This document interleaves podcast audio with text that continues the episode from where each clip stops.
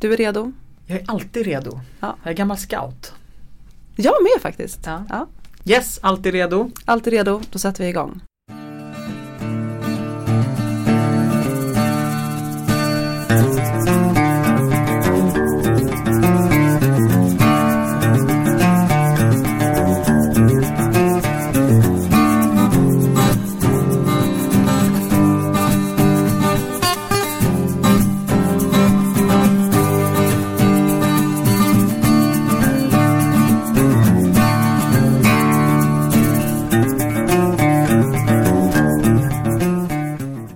Och så säger vi hej och välkomna till det sextonde avsnittet av podden som heter Präster med gäster med mig Anna-Fia Trollbäck Och mig, Rebecka Tudor. och vi är präster i Tyresö församling.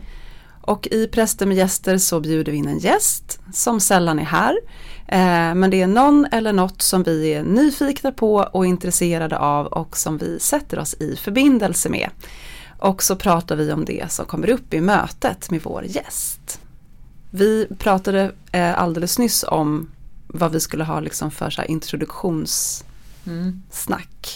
Eh, vi försöker plocka upp någonting så här eh, prästigt eller kyrkligt som man kan prata om. Eh, men ehm, Jag funderar på om vi skulle kunna prata om mitt efternamn.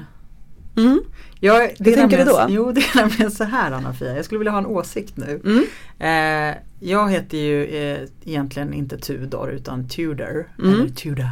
Ja, jag kan inte ens uttala mitt efternamn eh, så som det ska uttalas. Men jag har förstått att min mamma, eh, som ju efternamnet kommer ifrån, eh, är Hon är liksom lite irriterad över att jag har försvenskat det. Och det har hon, det har hon berättat nu. Att hon Mhm. tycker att liksom Tudor, liksom du heter inte Tudor. Du heter Tudor. Eh, men det känns ju så himla krystat att säga så här Rebecca Tudor.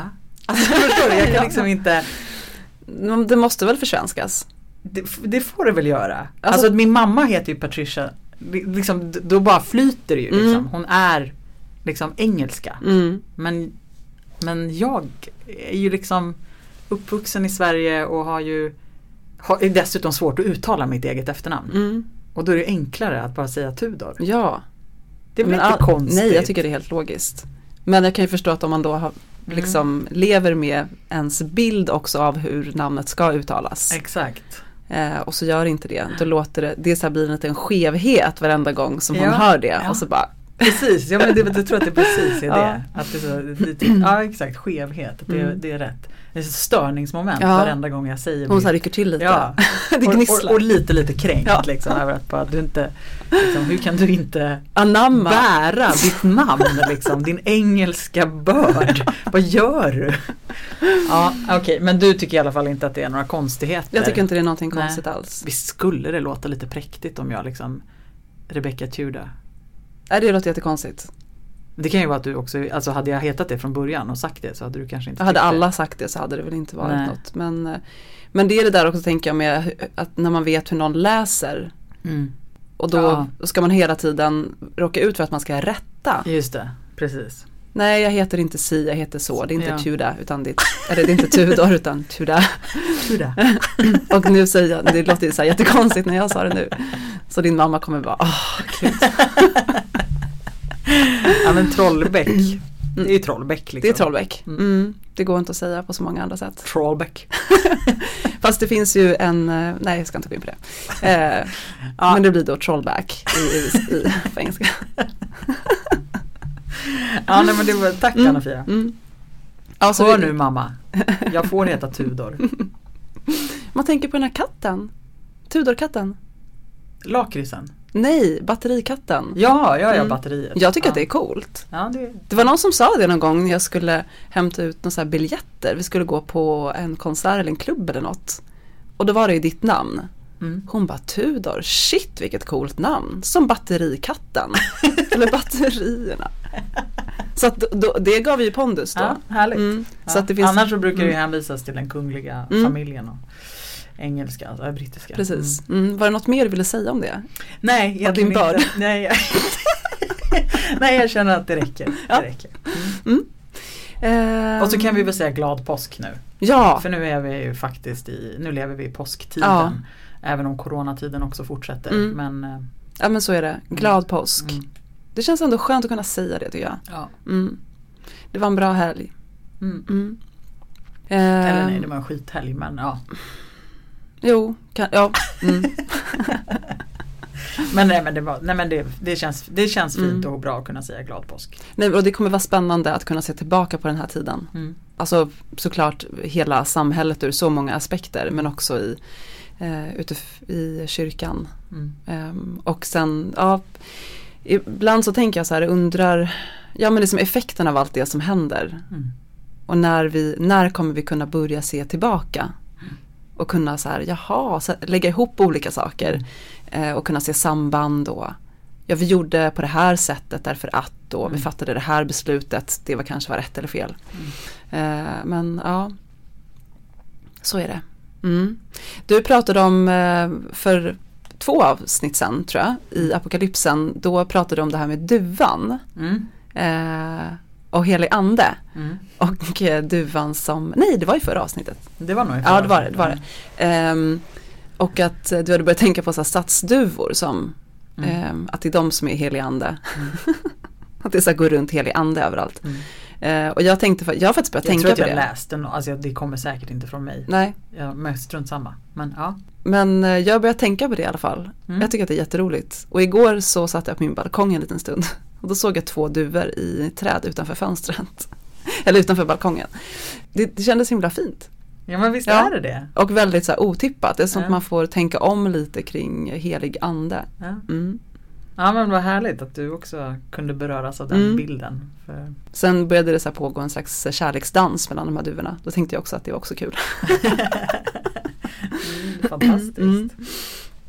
Ehm, ja, nej men när vi planerade, eh, vi närmar oss eh, gästen nu, eh, men när vi typ gjorde en så här, grov planering för vilka gäster vi skulle bjuda in under våren, då så fanns liksom vårt ämne som vi ska prata om idag, fanns med. Men, Vi hade ju tänkt att, att faktiskt tillfråga en alldeles levande person att, att gästa studion. mm, faktiskt. Men så det får vi, vi får lägga det på framtiden Mm. och hoppas att det kan bli av ändå. Men i alla fall, men det är inte så dumt att bjuda in den här gästen nu ändå. Jag tänker att det, jag tror att det kan passa bra i eh, där vi befinner oss i tiden.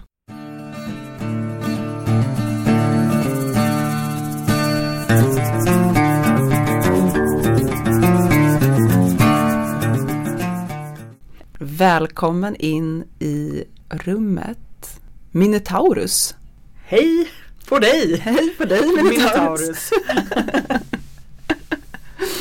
Ehm, och um, om jag presenterar lite kort. Minotaurus är ju ett eh, monster i den grekiska mytologin.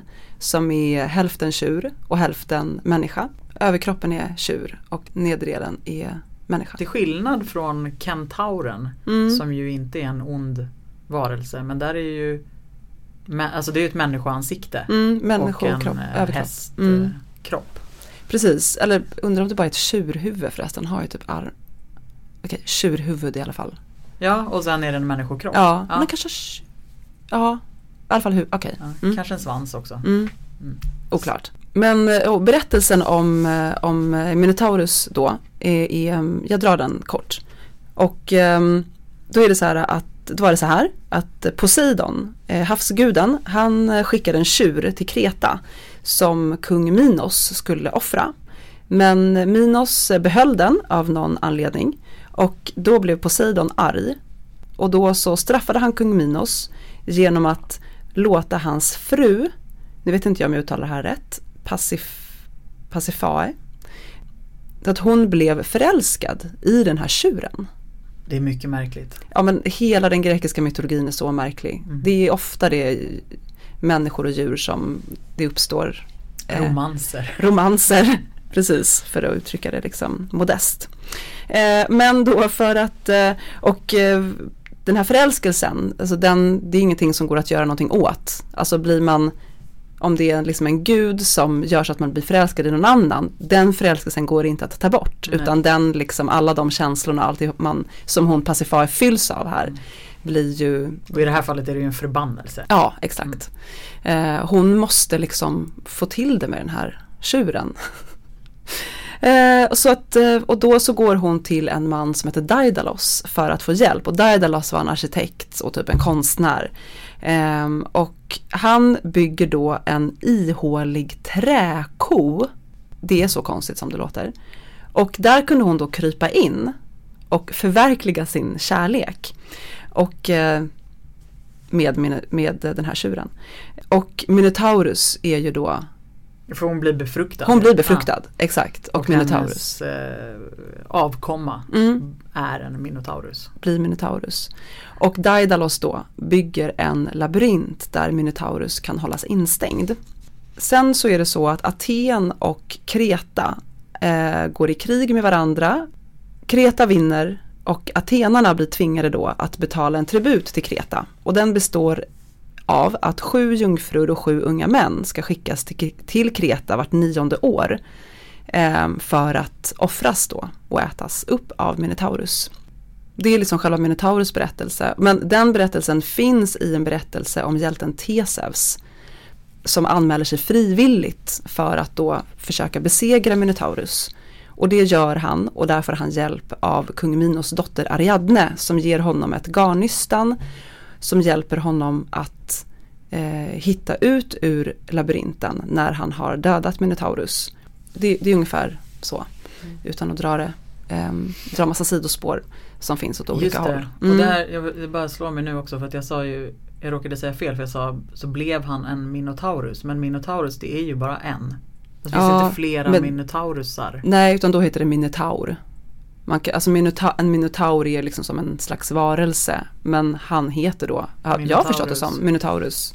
Okay. Eller så är det bara en. Jag vet inte riktigt. Nej jag blev också mm. osäker. Men spelar inte jättestor roll? Nej det spelar inte jättestor roll. Som jag skulle säga lite mer på min ursprungliga sätt att tala. Precis. Mm. Um, men eh, ja precis och då kan man fråga sig så här, varför bjuder vi då in Minotaurus? Så. Mm kanske framstår som jättekonstigt. Eller mm. sådär. Man undrar, eh, lyssnarna kanske undrar hur, eh, hur vi eller hur jag har tänkt. Mm. och eh, då tänkte vi så här att eh, Minotaurus är varelsen som får förkroppsliga då och vara en symbol för rädsla och skräck och eh, oro. Eh, och att just nu så är många rädda mer än annars man blir rädd för, man är rädd för många saker tror jag. Eh, och olika saker. Och att eh, jag tänkte att det kan vara bra att prata om det. Alltså att bara prata om så här rädsla och skräck kanske kan få saker att inte verka lika hotfulla. Förhoppningsvis verkligen, det är i alla fall intentionen. Och eh, jag tänker också att vi, det läget som vi befinner oss i eh, och samhället är ju ett, vi är ju i ett beredskapstillstånd. Mm. Som också nu är vår vardag.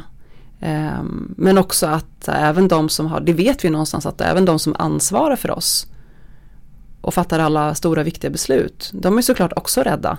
Mm. Och de måste hela tiden handla och agera med sin rädsla, de kan inte sitta stilla. Men så på något sätt så är vi omgivna av rädsla, vare sig vi själva är det eller känner oss oroade eller inte.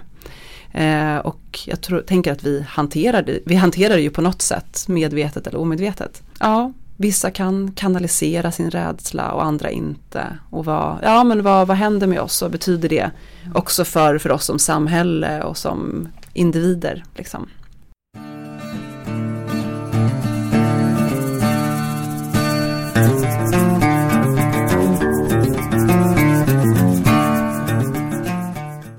Tänker du på några saker nu, så här, i det som vi är i nu, som du är rädd för? Alltså jag är rädd för eh jag tycker att ovissheten är det som skapar mest rädsla. Alltså att, mm. inte, att inte veta när det ska ta slut. Mm. Eh, och då handlar det om längtan efter närhet. Mm. Alltså jag längtar efter mina föräldrar. Mm. Eh, jag längtar efter att träffa vänner. Eh, och jag längtar efter att få kramar. Ja, oh, gud ja. Eh, att det, så att jag är så här, det skapar en rädsla i mig att inte veta när när? Mm. När får jag kramas igen? Ja. Liksom? När får jag känna liksom, kroppar? Ja. och, eh, och inte minst i relation till mina föräldrar. Jag tycker att det är skitjobbigt den här uh, distansen. Liksom. Att, att ens naturliga liksom, kroppsspråk och liksom, själ liksom hela tiden måste stoppa sig själv eller liksom ja, kan inte, kan inte agera som jag vill, Nej. som jag vill vara med, mot sina medmänniskor. Liksom. Jag tycker också att det är svinjobbigt. Jag tänkte på det, jag kände det jättestarkt ja, förra veckan någon gång. Jag gick hem till en kompis och så gick hon liksom mot mig. Mm. Och liksom bara gjorde ansatsen till kram och så sa hon så här, men vi kan väl ändå. Mm. Och jag typ så tog ett steg tillbaka och bara, ja. Mm. Och båda så här, tittade på varandra och bara, nej. Mm. Nej men vi gör inte det. Nej. Och då kunde jag känna att så här, och gud, jag, alltså jag står inte ut med att det här tär. Då kände jag så här hur mycket det här tär Mm. på en. Och på just det, alltså ens naturliga liksom sätt att vara. Mm. Bara vi sitter i varsin ända av soffan liksom. Mm. Bara. Mm. Och så bara hej då, man liksom typ vinkar med handen så här. Det är jättekonstigt. Ja, det är väldigt, väldigt konstigt. Och nästan som att det är någonting i kroppen som bara, ja, står alltså hur länge ska vi stå ut med det här? Mm. Och det påver- att det verkligen påverkar oss mer Mm. än vad vi, Mm. mer än vad jag har tänkt i alla fall. Mm. För man går omkring i liksom den här vardagen hela tiden. Mm. Men ibland så rycks man ut, alltså då jag slogs av det också. Mm. Men jag tänker också så här att, att, att det finns så otroligt mycket som man kan vara rädd för nu. Liksom. Alltså visst bli, bli smittad, bli sjuk, eh, bli jättesjuk eller känna någon som blir jättesjuk eh, och, och dör kanske. Eh, alltså att man kan vara rädd för att vården ska bara packa, alltså inte ska funka mer, att vården ska packa ihop. Mm. Att man inte ska få besöka en närstående, att alltså vara rädd för att åka kollektivt i Stockholm framförallt. Mm. Eh, rädd för att typ viruset ska bli aggressiv, mer aggressivt, rädd för att förlora jobbet, att inte ha pengar, att inte kunna försörja sina barn. Mm. Ehm, ja men typ att det ska bli någon slags, alltså att kriminaliteten ska typ öka. Mm. Att det ska bli kaos och så.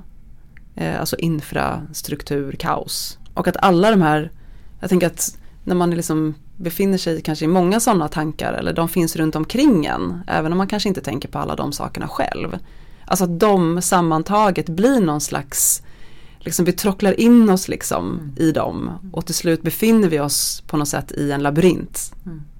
Och där inne i den där labyrinten så av oro och rädsla och kanske till och med så skräck så, så väntar liksom vår egen Minotaurus. Och det var så jag ju- tänkte i alla fall. Ja, och det är en Mm. väldigt eh, Alltså det är en väldigt bra bild med eh, labyrinten. För labyrinten känns ju läskig bara i sig. Ja. Även om det inte Mm. skulle finnas en minotaur Mm. i labyrinten. Mm. Så, så är det ju hela tiden, alltså i tanken om att vara inne i en labyrint och inte hitta ut.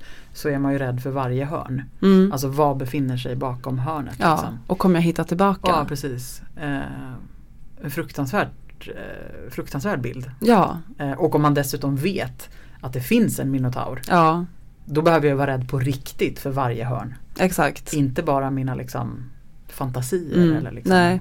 Utan det finns skräck. Mm. Liksom. Det finns verkligen där rejält liksom. Mm. Ja och också så här, vad händer när vi, när vi liksom möter vår, alltså i våra liksom, vår liksom själsliga eh, skräcklabyrint liksom. Vad händer när vi möter Minotaurus då? Mm. Alltså har vi med oss Ariadne? För att i berättelsen så är ju hon, hon är ju med Theseus inne i labyrinten. Mm. Och ger honom det här garnystanet som jag tror till och med ehm, jag vet inte om det till och med så lyser lite grann. Eller om hon har med sig en fackla eller vad det är. Mm. Alltså det, det är så här, det finns, då finns det hjälpmedel i berättelsen. Har vi det också? Mm. Eller liksom kan vi, eh, har vi liksom svärdet så vi kan döda Minotaurus med? Eller, Mm. eller går vi under varje gång vi liksom möter vår, Vårt monster. ja.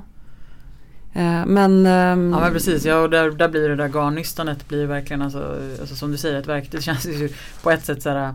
Skulle man ge sig in i en labyrint så känns ju det som en så här jättebra grej att ta med sig. Typ ett garnnystan eller Ja. någonting för att kunna hitta tillbaka liksom. Ehm, ja men precis, har man det? Har man de verktygen? eller är det olika? Beroende på vad det är för skräck. Mm. Eller monster. Vad det är man blir rädd för, är Mm. man är rädd för. Mm. Liksom.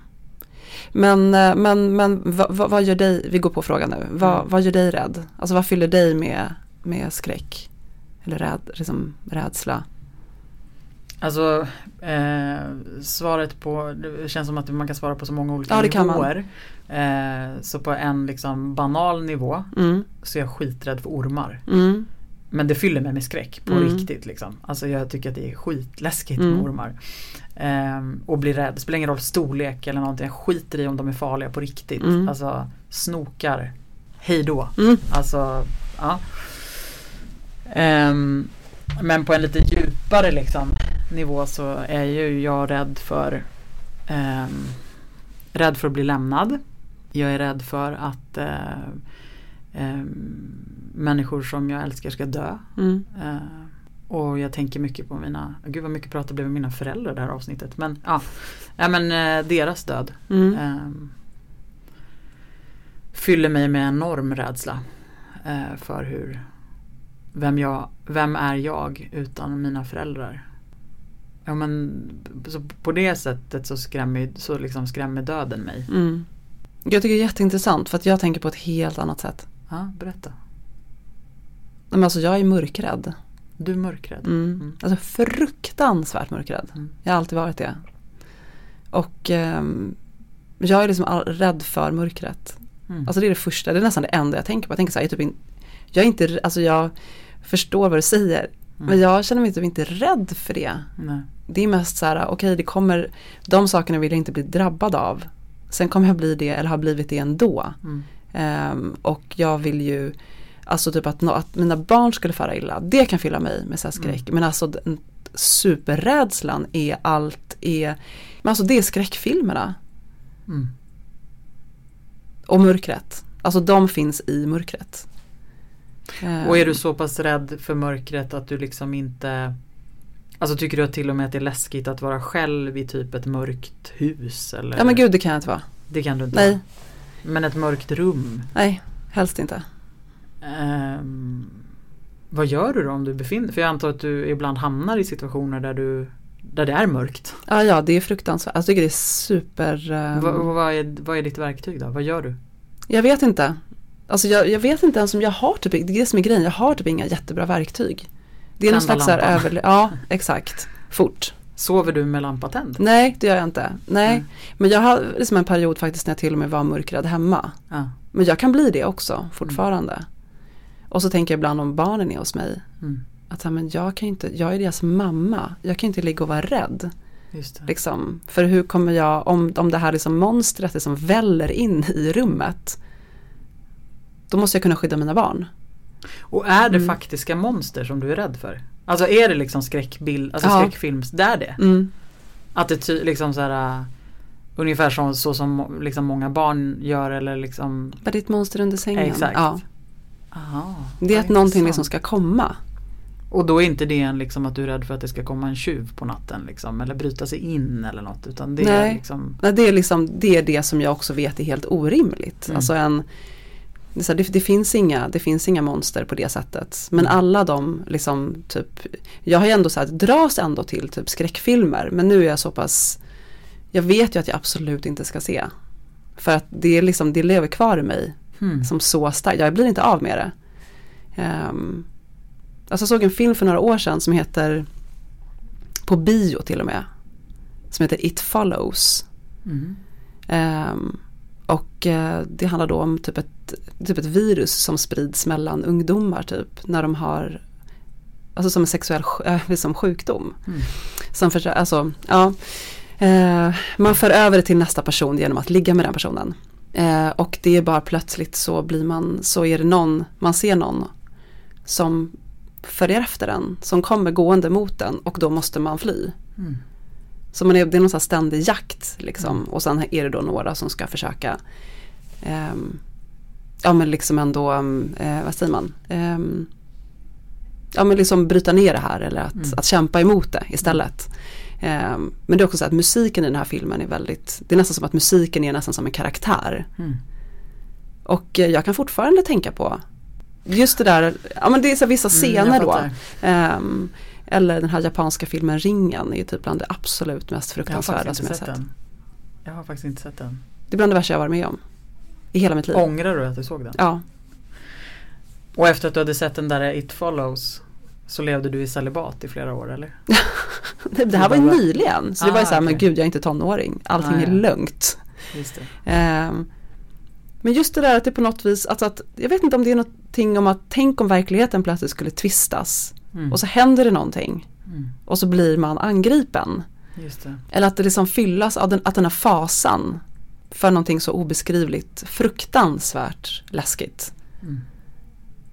Det är som att jag ändå nästan tror att den finns där. Att ja, och jag vet ju det, alltså, typ att också att fantisera på det sättet, alltså jag, det är bara mi- mitt, eh, hjärnan bara springer iväg. Mm. Eh, men sen så, och sen så, det var bara för något år sedan, verkligen nyligen, så slog det mig att så här, men det här kan man ju få hjälp med. KBT. Ja, för Mm. då hade jag, var, det var, då hade jag haft en period när jag var så här jätte, jätterädd. Mm. Och tänkte så här, men det här, det här är inte okej. Alltså jag kan inte leva med det här, jag är nästan 40. Liksom. Här går jag runt och bara säger så här, jag är så mörkrädd. Mm. Men varför, jag, vad kan jag göra åt det, tänkte jag. Och då, det är klart, det är verkligen ett KBT-område. Mm. Och så gick jag in och läste om typ hur man kan, vad den terapin består av. Men det, så det verkade så fruktansvärt läskigt. Så du vågade inte? Nej, men sen så insåg jag också att det är svindyrt. Ja, jag fattar. Är inte det hela grejen med KBT? Alltså att man ska möta sina Jo, rädslor? precis. Förstås. Mm. Ja men då ska man inte ha massa sessioner på natten. Man ska ringa och prata med någon och man ska göra så övningar när det är mörkt och så. Mm. Ehm, Men, ja. ja. nej, men jag hör ju att eh, det här är ju en, rä- alltså, det här är en rädsla på, en, på lite större plan. Alltså det här är en annan typ av Ja. rädsla. Alltså, det, det, och, för jag kan ju ändå, jag menar om man nu ska jämföra den rädslan med då min ormskräck. Mm, Jag menar för den skulle ju också kunna KBTas bort. ja, precis. Ehm, jag tänker att man kan kanske inte KBT bort sin rädsla att bli lämnad av sin hustru eller eh, döden. Alltså Nej. så här, det, det är på något sätt det måste man ju men- men- leva men- med. men- Mm. Och det, det fattar jag ju. Mm. Att så här, jag förstår ju det. Liksom. Ja. Att jag, så här, det är livet liksom. Det ingår Mm. i livet. Men, men jag kan ju ändå Alltså jag kan ju Det är inte som att jag undviker att, att promenera på stigar För att det kan finnas en orm där. Nej, det har inte gått så långt. Nej, Nej. Eh, men jag menar jag, jag går med liksom, jag klampar Mm. liksom Mm. för att eh, då har jag förstått att ormarna blir Mm. rädda och försvinner. Ja, men alltså det här har ju suttit i, när jag var liten så bodde jag i en förort som heter um, Västertorp som ligger i Stockholm. Och eh, då bodde vi längst in. Vi bodde i ett lägenhetshus, porten längst in, i, liksom vid en gård. Där, alltså efter porten så började det vara typ skog. Mm. Och så var det ett garage också på gården. Ehm, och jag vågade liksom inte ens gå in på gården. Mm. Utan mamma och pappa fick komma och möta mig utanför. För att Mm. när jag kom fram till, gick hela gatan, liksom trottoaren ner och sen skulle jag gå in genom porten. Då var det bara liksom, det var bara så mörker. Mm. Och så fanns det då ett hörn, alltså runt det här garaget liksom. Det. Och var jag tvungen att gå själv, typ sprang och var livrädd. Ja men det är Så du har verkligen märkligt. suttit i sen du Jag har var suttit barn? den sedan jag var liten, Mm. ja. Det skulle ju verkligen vara intressant att ta reda på var det faktiskt kommer ifrån. Mm. Jag det är inte en ovanlig rädsla, Nej. alltså att vara mörkrädd. Men du låter ju väldigt mörkrädd. Mm. Alltså just nu, just nu är en period när det liksom är så här, äh, det är nog så under kontroll. Mm. Men, Men för jag, kan- jag är också rädd för mörkret. Mm. Men inte så rädd som du nej, är. men det, För jag kan hantera det. Alltså, så- jag, har ju, jag har kanske de där verktygen. Ja. Eller liksom, eh, alltså då går jag och pratar liksom med mig själv att så här, det är orimligt att du är rädd för det här och Mm. det här. Därför att det är orimligt. Och så jag kan här, också liksom. tänka det och så parallellt med det så kommer Så sådana här kommer det, ja. absurda fantasibilder. Mm. Som man bara, men gud sluta liksom. Mm. Men sen så var det en eh, terapeut som jag, jag frågade. Eh, och för jag tänker också så här att om, man, om det är annat som är jobbigt, då kan säkert sånt här, då blir det lättare att sätta igång till exempel. Mm. Eh, och då så sa den terapeuten så här, ja nu är inte jag någon så KBT och jag är inte expert på det här. Men så här, prova typ att andas lugnt när det här. Mm. ja men typ. Ja. Ehm, alltså det hjälpte ju ändå lite grann. Mm. Att bara så här, bara då så här fokusera på det så trängs de där bilderna liksom ut ur. Mm. Just det. Och eh, liksom apropå andning då och eh, Gud. Mm. Kan du få jag kan ju tänka, alltså typ så här bönen eller eller bara tänka att liksom Gud är större Mm. än, än allt det onda liksom. Och att, alltså, har du, har du, kan du använda det av din tro liksom eller? Ja, alltså jag är också sådär att jag kan föreställa mig att jag föreställer mig att det är så en ring av så här ljus runt mig. Mm. På någon slags, verkligen så här Guds beskydd. Mm. Att det bara finns här, det är bara, det är bara ljus. Jag är i en så ljusring och jag är skyddad Just av det. Mm. Ehm, men det är verkligen så här en kamp Mm. ibland. Mm. Att behålla den där liksom. Jag är världens Mm. ljus, den som följer mig ska inte vandra i mörkret utan ha livets ljus. Mm. Mm. Ja, det kanske ska bli mitt mantra. Mm. Ja, det ska jag. Mm. Jag ska göra det nästa gång.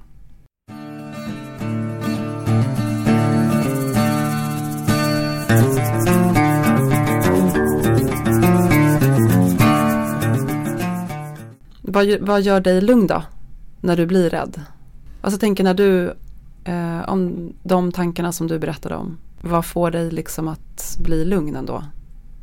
Alltså konk- väldigt konkret. Mm, Och det funkar ju inte alltid eftersom jag inte alltid har tillgång till det. Men kyrkorummet gör mig lugn. mm, Ja, men bara häromdagen så var jag i en sån situation där jag liksom eh, ja, upplevde väldigt mycket rädsla liksom. Mm. Som ju mer var, är på ett existentiellt plan. Mm. Liksom. Ehm, men jag var fylld av rädsla liksom. Och eh, grät mm, jättemycket. Och så var jag inne i stan och eh, katolska domkyrkan ligger ju liksom centralt på Mm. Södermalm. Så jag gick in där. Och så fylldes jag av sånt enormt liksom, lugn. Eh, och så satt jag ganska länge framför Maria. Och så tårarna bara rann liksom. Och så bara började jag be den här liksom. Häll dig Maria full av nåd, Herren är med dig. Välsignad är din livsfrukt Jesus. Bla bla bla. Eh, och jag bara, hade, alltså jag bara bad den och jag kände mig så, alltså det var som att så här, jag, jag kände mig så välsignad och så här, full av nåd. Ja, men så, så här, som jag bar med mig sen liksom. Ja. Och som jag faktiskt fortfarande, för att den där rädslan bär jag fortfarande på existentiellt. Mm. Men jag känner mig också, jag bär fasen med mig den där nåden alltså. mm. Det är som att jag känner mig, jag känns som att Maria vakar över mig. Ja, Ehm, och att också kunna möta, vad ska man säga? Jo men alltså det radikala budskapet från Jesus att be för sina fiender. ja, Eh, det tänker jag, det tycker jag är stärkande i liksom, i den, alltså om man, om man ser sin rädsla eller skräck som en fiende, vilket Mm. det ju är. ja, Att, att liksom kunna be för det ja, eh, och be för fienden. Som att också så här, vilja det där monstret gott. På något jäkla sätt liksom. Mm. Att, man, att man verkligen kan fyllas av att så här. Okej du, är- du är ond, du vill mig ont liksom. Mm. För du är ett monster och då menar inte jag någon person nu eller Nej. någonting utan jag menar verkligen det där som man kan vara rädd för, mörkret. Mm. Eh, att då vilja mörkret ljus. Ja, just det. Som att så här, Att ändå våga tro på det goda. Ja, Även i det onda. Alltså om man liksom Mm. tänker att det finns kanske någonstans i allt det där mörka. Så finns det ändå ett ljus liksom. ja men gud det är som den här salmen som heter Var inte rädd för mörkret. Ja, Det, det är typ eh, min absoluta, det är en av de vackraste texterna jag vet. till ljuset vilar där. Ja, Ja den är väldigt väldigt fin. Den finns ju också, den är så vacker. ja det, är en, det, är en, det är en, ton, det är en tonsatt Tonsatt dikt. dikt, ja. Ehm, var inte rädd för mörkret, till ljuset vilar där. Och det är ju verkligen Mm. alltså här, att det finns inget ljus utan mörker. Mm. Eh, men också att mörkret längtar till ljuset. Mm. Precis. Alltså det är någonting, det, det är som en dragning mellan dem. Mm. Alltså, och den måste ju finnas där. Mm. Och det är kanske så här, äh, det är himla starkt tycker jag. Och det är väldigt vackert beskrivet i den dikten. Verkligen. Ja, Att mörkret längtar till ljuset. Mm. Så det är väl kanske det då. De där bästarna vill typ in i ljuset. Men Ja, de klarar men- inte av det. ja men precis, jag tänker på eh, Mio min Mio. Mm. I slutstriden Mm. eh, när Ridda Kato eh, Mio sticker ett svärd Ja, i Ridda Katos stenhjärta. just det. Ehm, och så i slutscenen så säger Ridda Kato innan han dör innan han tar sitt sista andetag så säger han jag är äntligen befriad från mitt stenhjärta. Ja. Det är ju verkligen en sån bild Mm. tänker jag av att så här, ingen, ingen vill ha det där stenhjärtat. Ingen, inte ens Nej, ingen vill vara fylld av det mörkret enbart. Nej. Nej. Och kan man då kanalisera ljus Mm. och liksom bön och det goda Mm. mot det där onda. Så kanske det kan, eller det kan nog få göra mig lugn eller Mm. liksom skänka frid. Ja men verk, det är verkligen sant. Jag har inte tänkt på det på det sättet men eh, jag ska börja göra det. Eller jag kommer göra det nu. Ja, men där har jag också tänkt på det med det här med så här, bönens eh, kraft. Alltså att liksom det där repetitiva. Och det kan nästan vara mer effektivt än att kanske bara ligga och andas. Mm. För att det, det är ett tomrum också i Mm. att bara så här andas. Om man, måste man koncentrera sig oerhört mycket. Men att ha liksom någonting att hänga upp sig vid. Mm. Typ som, alltså som ord då. Mm. Ehm, och så blir de orden laddade och så Mm. laddas de liksom in i en själv. Mm. Ehm, det är ju verkligen en kraft i det. Mm. Man pratar om så här bönens kraft. Mm. Jo men verkligen. Det kan ju någon- låta lite så här bönens kraft, ja, men att det är så väldigt kyrkligt som språk. Men jag tänker att det är precis det som händer. Ja verkligen. Ehm, Jättemånga av eh, liksom eh, saltarsalmerna i, i bibeln Alltså om man bara tar liksom något ord eller liksom någon mening Mm. eller så Eller jag tänker att eh, det finns eh, alla Tessé-salmer eller Tessé-sånger som är så korta men repetitiva. Att Mm. man liksom sjunger dem om och om igen. Känn ingen oro liksom. ja, Känn ingen oro, känn Mm. ingen oro. Att det, ja, att det till slut så, så kan det bli verklighet i Ja. kroppen. Liksom. Men jag, och jag tänker verkligen också att så här, med just bönens kraft. Jag tycker att jag Alltså det är ju som att när man själv befinner sig i den där djupaste mörkaste dal. Att då känna att bönen bär. mm, Alltså då blir det på riktigt. Det är som att jag tycker att jag erfar det liksom, i mitt liv. Just nu Mm. på ett annat sätt än vad jag har gjort tidigare. mm, Alltså då har jag kunnat liksom prata om det.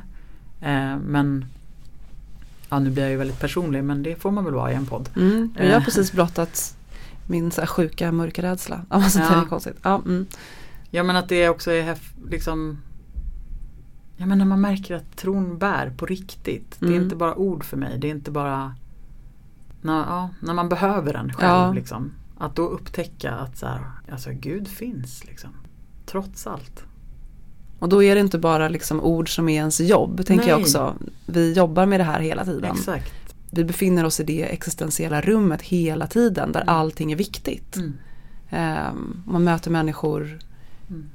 som befinner sig i så stora, ja, som befinner sig i livet som söker sig till oss av olika anledningar. Det kan vara glädje, som glädje eller sorg. Men, men det är någonting väldigt, jag håller verkligen med, det är någonting väldigt speciellt att befinna sig i kris själv. Mm. Som att man verkligen förstår att det bär. Mm. Mm. Hur går vi vidare nu? Hur går vi vidare nu? Ehm, Ja, shit. Nu kändes ju allt platt.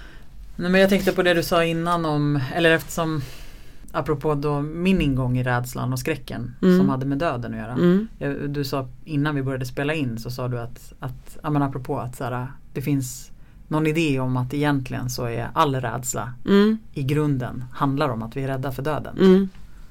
Kan du inte säga något om, om det? Jo men att ehm, Jo men att, att, att ehm, det säger typ KBT-terapeuter och ehm, liksom och så att all rädsla i grunden handlar om en rädsla för döden. Mm. Om jag bara flikar in med min egen mörkrädsla så är det klart att det är ju det det är det som alla skräckfilmer typ handlar om. Mm. Att typ människor dör på liksom hemska sätt. Ehm, så det är klart att jag är, det är som det är väldigt tydligt ju, även där menar jag. Men, ehm, men, men då att i vår tid ehm, så har, eller så här då att historiskt så har liksom religionen fyllt en sån funktion där döden har blivit liksom en naturlig del av livet. Mm. Eh, och man har kunnat förhålla sig till det med hjälp av så här symbolhandlingar, eh, som i, i ramen inom i berättelser och så. Så har döden ändå varit liksom en naturlig del av allting annat. Precis som födelsen då till exempel. Eh, men, men i och med typ upplysningen och att vi någonstans har avtäckt hela världen så har vi också fjärmat oss mer från döden och vi har blivit bättre på, alltså i alla fall i vår del av världen så, så är vi friskare. Vi kan liksom mota bort döden och vi behöver inte ens prata om den, vi behöver inte ens se den idag. Mm. Um, och um, men att det här gör någonting med oss. Så att det är som att vi förlägger den där rädslan för döden förläggs på andra småsaker istället. Mm. Um, och till exempel nu då i den, när vi i den här corona liksom krisen så blir det liksom småsaker väldigt, väldigt viktiga. Alltså när rädslan förläggs typ i att ja men typ så här, tvätta händerna eller de här liksom And, Anders Tegnells liksom uttalanden varje dag. Där kan vi liksom förlägga den där rädslan. Mm. Men det handlar egentligen i grund och botten om en rädsla för döden. Mm. Och att vi tror nästan, att nästan, nästan som att döden blir som ett misstag. Mm. Um, någonting som någon har så här schabblat, någon fattade fel beslut. Mm. Och därför dog eh, en person till exempel. Men den personen skulle ju dött i alla fall. Mm. Alltså mm. att det inte, ja. Men jag tänker att det är intressant, särskilt i vårt samhälle när vi är så, att vi har levt länge i, i, i det sättet att tänka, att vi liksom inte ser döden och vi befinner oss inte i närheten av döden och vi pratar typ ingenting om döden. Um, men nu så har vi ett rejält hot. Mm. Nu är det som att det är som att det är två olika liksom, sätt att hantera rädslan för döden på. Som bara nu är helt liksom, sammanflätade. Och undrar, om det, undrar vad det gör med oss. Mm. Eller låter allt det här begripligt? Eller ja, låter jättekonstigt? nej det låter inte alls jättekonstigt. Um, nej jag, jag, jag, tänker precis så. Och jag tänker att det är det jag tänk, tänk, Ja precis, för att det var så här, ja, när vi var ute på savannen. Mm. Då är det klart att det är jättetydligt eller ute mm. i skogen när vi levde när, som i för, för, för modern tid. Då var vi rädda för, rädda för björnar och lejon. Det mm. var som reella hot eller att någon skulle bli sjuk om man bara dog. Mm. Men, eh, men sen har vi de där lejonen och björnarna har vi inte levt med på så länge. Mm. Och nu är den plötsligt här. Mm. Och hur gör vi då? Liksom? Mm. Och vad gör det med oss? Liksom? Vi har inga, har vi verktyg ens? Nej men precis och så när det är ett sånt liksom ett globalt hot ja. som liksom drabbar hela världen mm. och hela världens befolkning. Och ett virus som något... vi inte ser.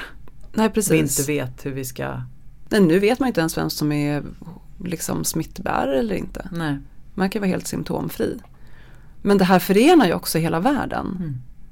Det, är ju en, det är ju jätteintressant. Mm. På, alltså vi är förenade på ett sätt som vi aldrig har varit tidigare. Mm. Liksom aldrig. Alltså det är ju, um, ja det finns ju inget svar på vad som kommer komma ur det.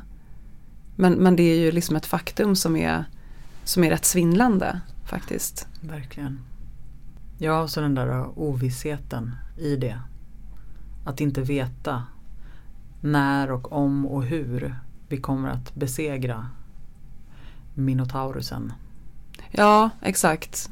Det är som, precis, vår, vår gemensamma Minotaurus är väldigt, väldigt liten. är typ en liten boll med små röda svansar på. Mm. eh, nu, men, men, men inte liksom, inte mindre obehaglig för det.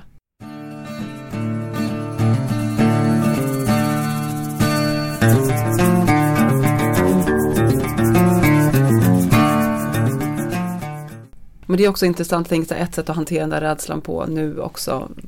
Som är nu, det, alltså, eller överhuvudtaget, det är att skämta bort det. Mm. Um, och jag tänker att just nu är det också, det är också ett sätt för oss att liksom kunna leva med det som är. Att vi måste kunna skratta. Mm. Um, min pappa brukar säga det så här, man måste typ kunna skratta åt allt. Mm. Jo men åh, humorn kan ju liksom, är ju så befriande. Ja tänker alla de här liksom roliga filmerna som görs och mm. alla sådana här konstiga intervjuklipp med liksom 70-plussare på Östermalm som man ju bara liksom flabbar åt. Mm. Idiotin liksom. Um, och vår mänskliga liksom ja. Oförmåga. Oförmåga var ordet. Ja men mm. verkligen. Uh, ja men och det känns ju, det känns ju ändå Alltså just i, i rädslan oavsett vad rädslan handlar om men att kunna använda humor och att få skratta. Mm. Och liksom, det är ju också ett sätt att, att föra in ljuset. Ja, liksom. ja verkligen. Eh, slappna av. Liksom. Ja. Eh, ja, så nödvändigt. Ja, men jag såg något sånt klipp för några veckor sedan, men det var det vi kollade på. Eh, det som är från filmen, Und- man har tagit ett klipp från filmen Undergången. Ja, ja, ja. Ja, och så har man ja. satt en svensk text på. Fruktansvärt, det, det är typ bland det roligaste jag sett. Ja, det är väldigt, väldigt roligt. Och då skrattade jag på ett sätt som jag insåg då, jag typ inte skrattat så på flera veckor. Den Och det var jättehärligt. rolig. Jag kände mig så träffad, vi hade varit i Åre ett par veckor innan. Ja. Men ja, så var det i alla fall. Ehm, men tror du så här att om man har en tro så är man typ mindre rädd? Eller hjälp, spelar det någon roll? Nej, alltså jo. Alltså ut, jag menar på ett sätt har vi ju berört det. Mm. Eh, med hur tron kan hjälpa en. Eh, men jag vet inte om det gör att man i grunden är mindre rädd. Ehm, eller jag vet, alltså ja alltså på ett sätt så tron bär ju. Och kan ju, alltså kan ju bli ett verktyg. Mm. Eh, alltså att tro på en gud som är större Mm. än, än all ondska i världen Ja. är ju förstås kan ju ge en liksom hopp eller Mm. liksom kraft eh, att stå ut med mörkret. ja, för jag tänker så här att nej men tänk inte på det där bara, du vet ju att det inte finns. Mm. Alltså det, det, det är ju typ det man säger till små barn. Mm. Så här, finns inget monster under det är ett sängen. monster under sängen mamma. Nej det finns inga monster, det säger jag också till Ja. mina barn. Ja. Men samtidigt när jag sagt det på senaste tiden så tänker jag så här, ja men det var ju det för mig Mm. ändå. Äv, Ja, liksom. alltså- men, men det Mm. var det jag tänkte då var att, eh, att det inte går att bara avfärda den liksom rädsla. Nej. Man kan inte bara säga, men tänk inte på det. Eller du Nej. vet att det inte finns. Alltså som att man ska vara rationell. Mm. Ehm, utan då tänker jag så här, om man vet eh, en tro skulle kunna hjälpa ändå i att vara liksom den kraften som tränger in i mörkret. Mm. Liksom. Ju. Mm. Ja precis, för det är ju inte heller, alltså det är en sanning med modifikation att säga att det inte finns något monster. Mm, ja, det, Det, är det finns ju. ju monster. Mm. Alltså är man rädd för monstret under sängen så är man ju rädd för Ja. monstret under sängen. Ja, då finns det ju där. Då finns det ju Ja. där. Eh, för att det finns i ens fantasi Mm. och i ens liksom Och det är ju den man är rädd för. Ja, Man är inte nödvändigtvis rädd för det riktiga liksom monstret Nej. eller vad man ska säga. Utan eh, Så nej, och då är frågan om man istället liksom Ja men jag vet inte, jag börjar liksom fundera på hur man kan hantera det där monstret under sängen. mm. Om man istället kan liksom börja bemöta det. Alltså att liksom, ja, men ska vi inte prata med monster? Alltså det, jag Mm. bara, nu bara just fantiserar det. Du försöker KBT mig. nu försöker jag KBT både dig och alla barn där Mm. ute. Nej men att jag, eh, ja men att inte bara avfärda monstret för att monstret finns. Ja. Tänker jag nu. Mm. ja, men det är verkligen sant. Men att istället möta det då. mm. För vi måste ju möta våra rädslor. Ja, Alltså vi måste ju gå igenom liksom. precis. Inte vi- bara så stänga dörren och säga det finns inget monster där och därifrån. Nej. Man, då är det ju kvar där Det är inne. ju jättemycket kvar Ja. där inne. Precis, man kanske kan som förälder liksom ta med sig monstret ut Mm. eller liksom Vi går och hämtar monstret. Ja, ja men någonting. Mm. Alltså så här, snarare för att på samma sätt som vi inte, vi kan ju liksom inte Alltså vi måste ju gå igenom. Ja. Alltså lidande, ångest. Alltså Mm. man kan inte Vi kan inte fly liksom. Nej, Enda sättet är ju att möta det. precis. Eh, Och det är ju inte så att en tro gör att man inte är rädd. nej. Men det kan ju ge en liksom ehm, ja men verktyg på sätt och vis men också att en, ehm, ett sätt hjälpa en att bemöta, Ja. att möta. För att en tro handlar inte om att det inte finns något. Mm, nej, verkligen inte. Jag tänker så här, för Bibeln är full av Mm. liksom bizarra, inte bara bizarra men också helt vansinnesdåd. Liksom. Mm. Jag tänker bara berättelsen om Jesus är ju Mm. liksom, hur skräckfylld är inte den? Allt det lidandet som han gick igenom. Mm. Till liksom också gamla testamentliga berättelser som är Mm. ju helt vansinniga. Eller uppenbarelsebokens, liksom, ja. Det finns många exempel. Så det handlar inte om att vara befriad från. Nej, eller leva, gå, så här, gå på moln. Och bara jag har en tro så allting är så himla tipptopp. Jag är aldrig rädd. Men, Ut- nej men precis, men möjligen en känsla av att man, även om man kan känna sig ensammast i världen, Mm. att ändå på något sätt liksom. Ja men återigen den där bild, alltså, min egen erfarenhet från så bara nyligen, ett par dagar, en känsla av att jag är inte ensam. Nej, exakt. Eh, jag känner mig som ensammast i världen men jag är inte det. Nej. Och då blir jag inte ensam att möta mörkret. Även Nej. på ett sätt så är det. Men liksom, Man är inte själv nej, alltså. nej precis. Man är ensam kanske men inte Mm. själv. Mm.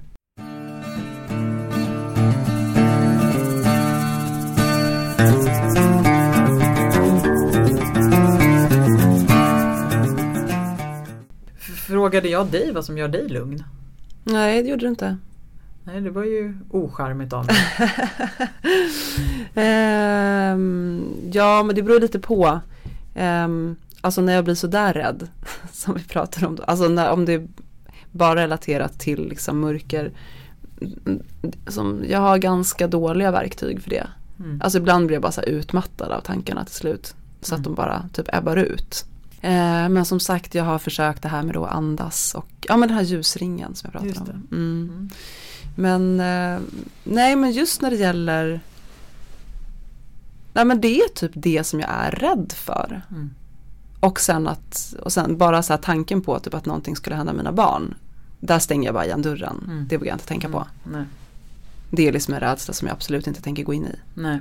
Men den kan man känna så här gnager eller att man blir orolig. Mm. Liksom. Mm. Men det är ju tydligen så att, att sån här skräckrädsla eller liksom rädsla eh, man får ju så adrenalinpåslag och så. Det är en så överlevnadsstrategi för kroppen. Medan så oro den är mer långvarig. Mm. Och är man orolig så kan man också på något sätt har jag förstått eh, Alltså man kan planera, alltså man kan Man kan hantera den på ett annat, den är hanterbar på ett annat sätt än så här riktig rädsla. Mm. Ehm, så att den är liksom lättare att hantera då för sig själv. Man kan förstå så här när den kommer, jag blir orolig av de här sakerna och så. Men om man blir så här jätterädd Mm.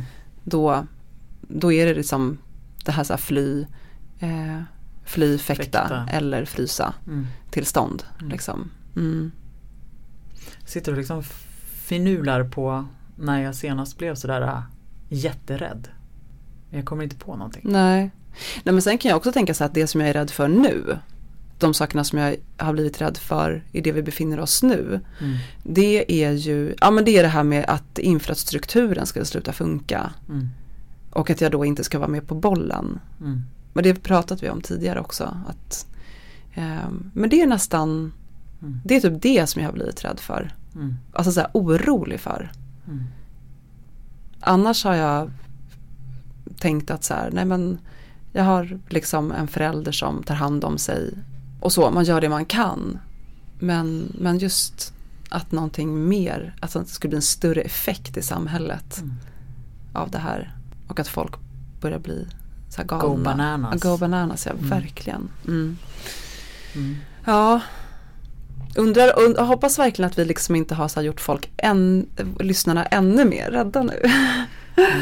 Jag tycker vi har pratat Ehm. också om, eh, om hur vi kan möta, Ja, möta den rädslan liksom, på olika sätt. Sen är det ju som det är på något sätt också. ja, Alltså just nu befinner vi oss ju i den tid som vi är i. Eh, och, och vi kan inte heller, alltså oron finns där. mm, Eh, och jag tänker verkligen att den finns där för att, vi, för att det är ovisst. mm, Alltså hade vi vetat så hade man haft något att förhålla sig till liksom, på ett annat sätt. Jag tänker att det är därför vi är beroende av de som är experter. De som är experter på riktigt. ja, Inte alla pseudo. hittepå Nej. experter som ska ha massa åsikter och sprida desinformation Nej, som precis. vi pratade om innan. Mm, Eh, men vi är ju beroende av de som kan på riktigt. Alltså att det är därför det blir viktigt med liksom Folkhälsomyndigheten och ja. eh, presskonferenser och att eh, ja, det är ju bland det mest meditativa och, och eh, lyssna och titta på nu. ja. Alltså jag älskar Anders Tegnells röst. ja, det är verkligen, han har ju verkligen Han gör mig helt lugn. Ja.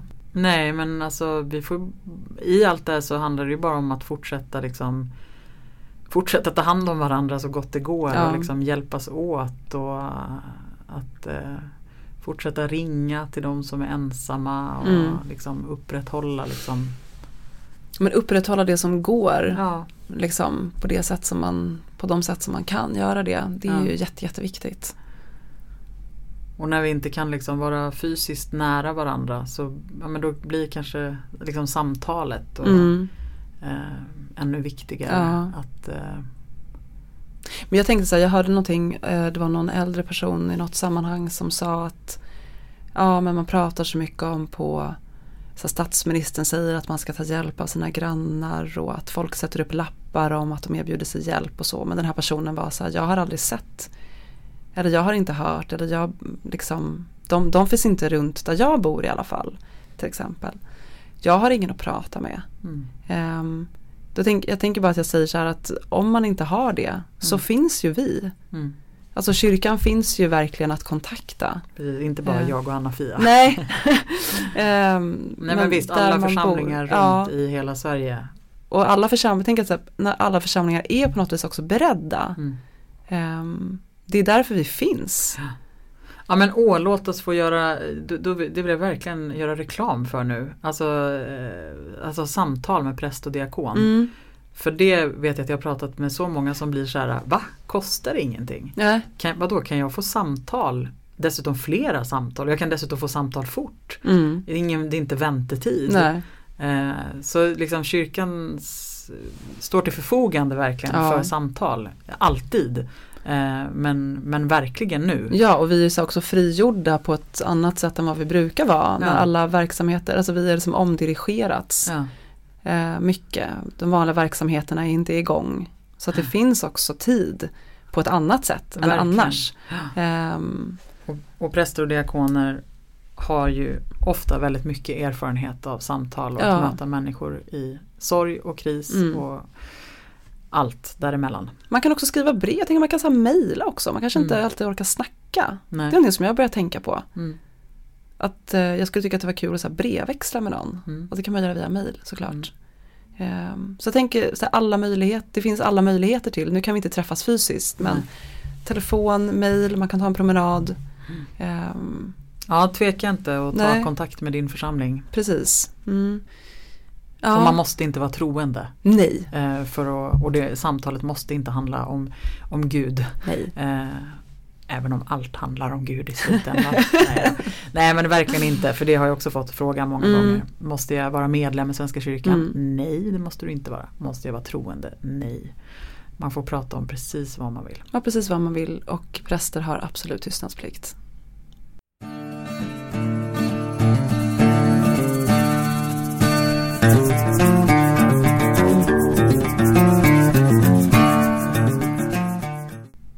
Ja men tack Anna-Fia. Tycker Ja. det, känns, eh, det var fint att få höra om din mörkerrädsla. Ja, hoppas att det ehm, Ja, det var fint att höra om din rädsla också. Framförallt var det du som kom med väldigt bra ehm, tankar kring hur man kan bemöta rädsla tycker jag. Vi ses igen snart. Vi ses igen snart. Mm. Ehm, och eh, jag höll på att säga god jul. men det är kanske olämpligt just nu. Nej men återigen, glad Mm. påsk och försök att leva i liksom påsktiden och med något typ av hopp om att uppståndelsen kommer. Mm. Det gör den. Den är redan här. Mm, den är Mm. redan här. Hej då! Vi ses snart, hejdå! Ja, Har vi kommit in på så mycket skräckfilmer? Jag fick inte berätta om Fun Games. jaha men vadå? Nej, jag tror inte det. Jag, jag hade ingen bra ingång heller. Nej.